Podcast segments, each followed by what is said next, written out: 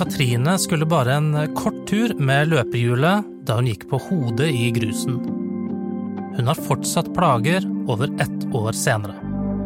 Nå har regjeringen fått nok av alle ulykkene. Snart kan du bli stoppet av politiet i promillekontroll når du er ute og rider.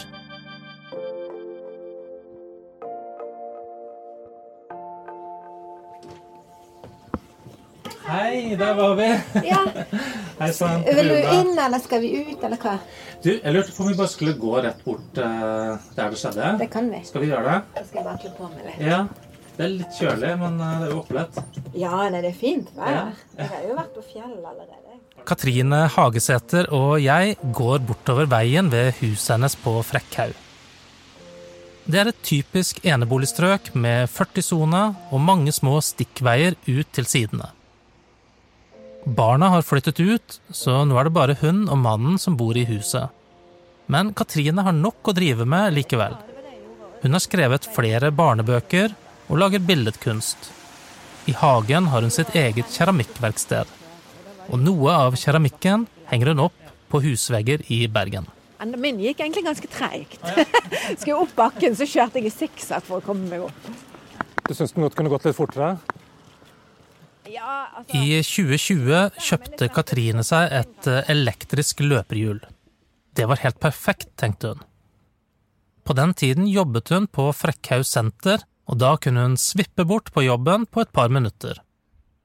En morgen i oktober la hun i vei som vanlig. Du kom på fortauet her, eller? Ja. Og da kommer det en bil imot meg. Eh, Og den måtte jeg svinge unna for å komme vekk fra den bilen. Og da havnet jeg på den grusen. Du ser det, en sånn, det var egentlig en litt dam der. Og da kjørte jeg rett i den dammen, og så gikk jeg på hodet i dammen. Med ansiktet først. Ja. Rett inntil den, det huset der, til den garasjen.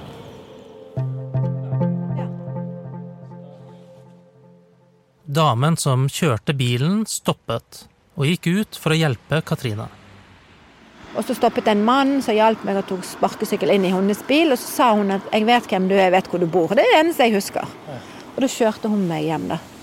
For jeg ville jo egentlig ikke ha hjelp, for jeg sa jo det at 'nei da, jeg kan gå'. Og jeg hadde jo ikke funnet ut hvor jeg bodde. Og så sier hun 'ja, men du blør så mye, jeg må nesten kjøre deg'. Nei, jeg blør ikke. så jeg var jo litt der. Du silblødde, men du merket ikke det? Ja da, alt var jo jakken, skjallet, det var jo innsunket med blod. Så. Men er det ikke litt sånn at Det er litt uklart for Katrine hva som skjedde rett etter ulykken. Men hun fikk hjelp til å komme seg hjem.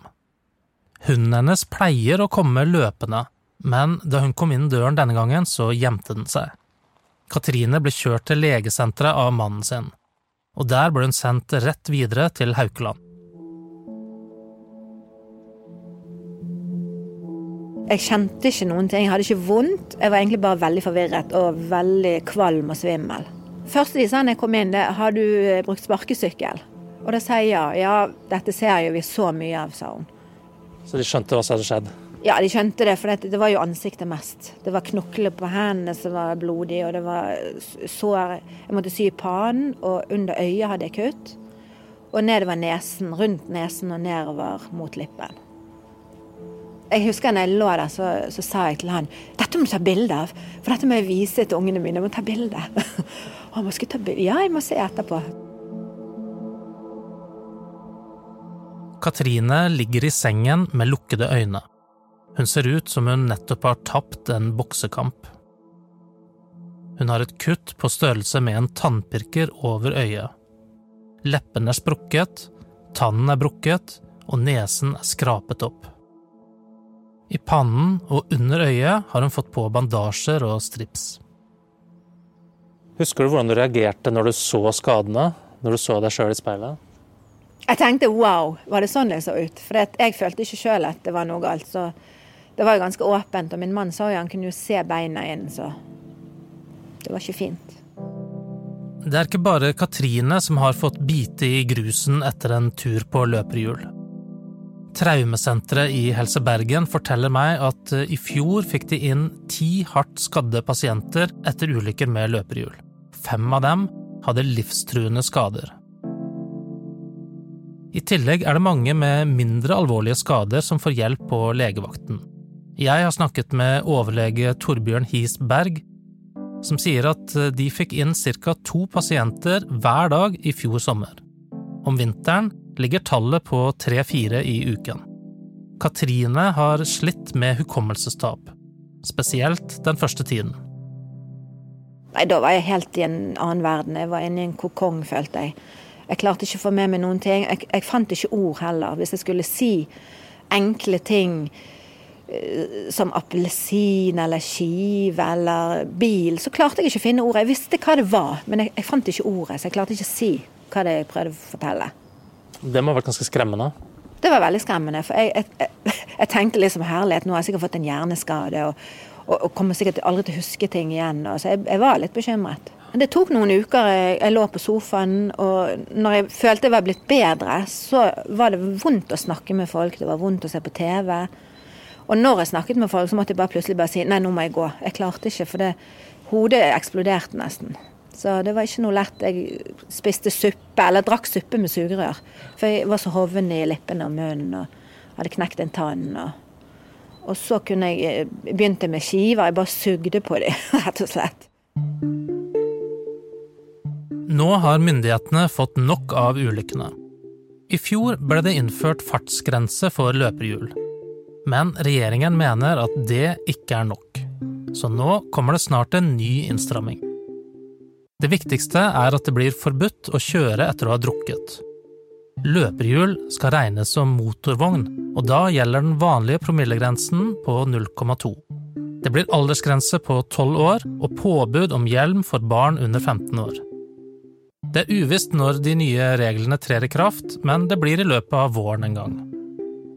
I tillegg til dette vil byrådet i Bergen sette en grense på antall løperhjul i sentrum og de vil ikke ha flere enn tre utleiere i hele byen. Det er bra, for det er veldig mye uvettig kjøring, og folk er gjerne brisen, og barn som gjerne ikke rekker opp til styret engang. Jeg syns det er veldig skummelt, og jeg angrer på at jeg ikke hadde hjelm. Det burde jeg hatt. Så neste gang altså jeg, jeg, nå, Akkurat nå tør jeg ikke bruke verken sparkesykkel eller sykkel, men eh, hvis jeg skal gjøre det igjen, så skal jeg absolutt ha hjelm. Så du solgte sparkesykkelen?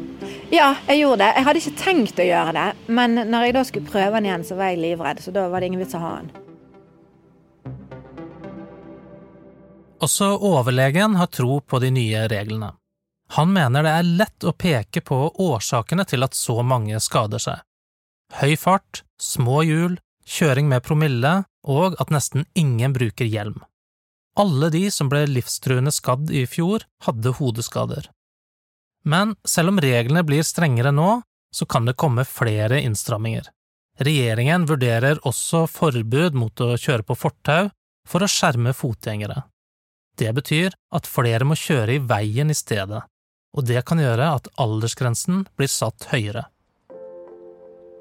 Hva er det som gjør at folk ikke tenker mer over eh, at du kan skade deg ganske stygt, tror du?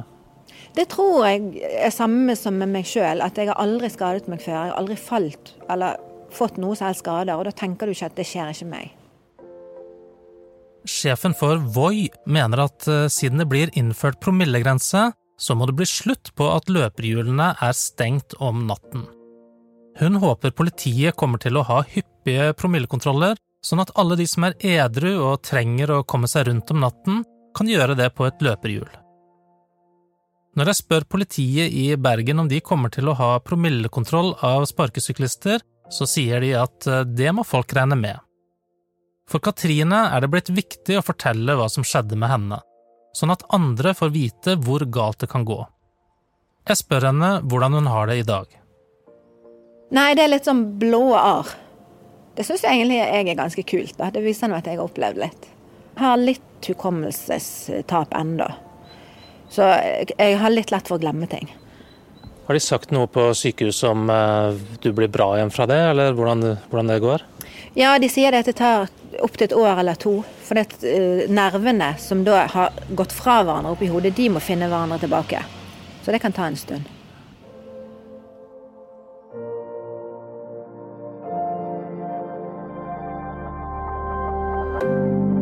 Hva skjedde? er en podkast fra Bergens Tidende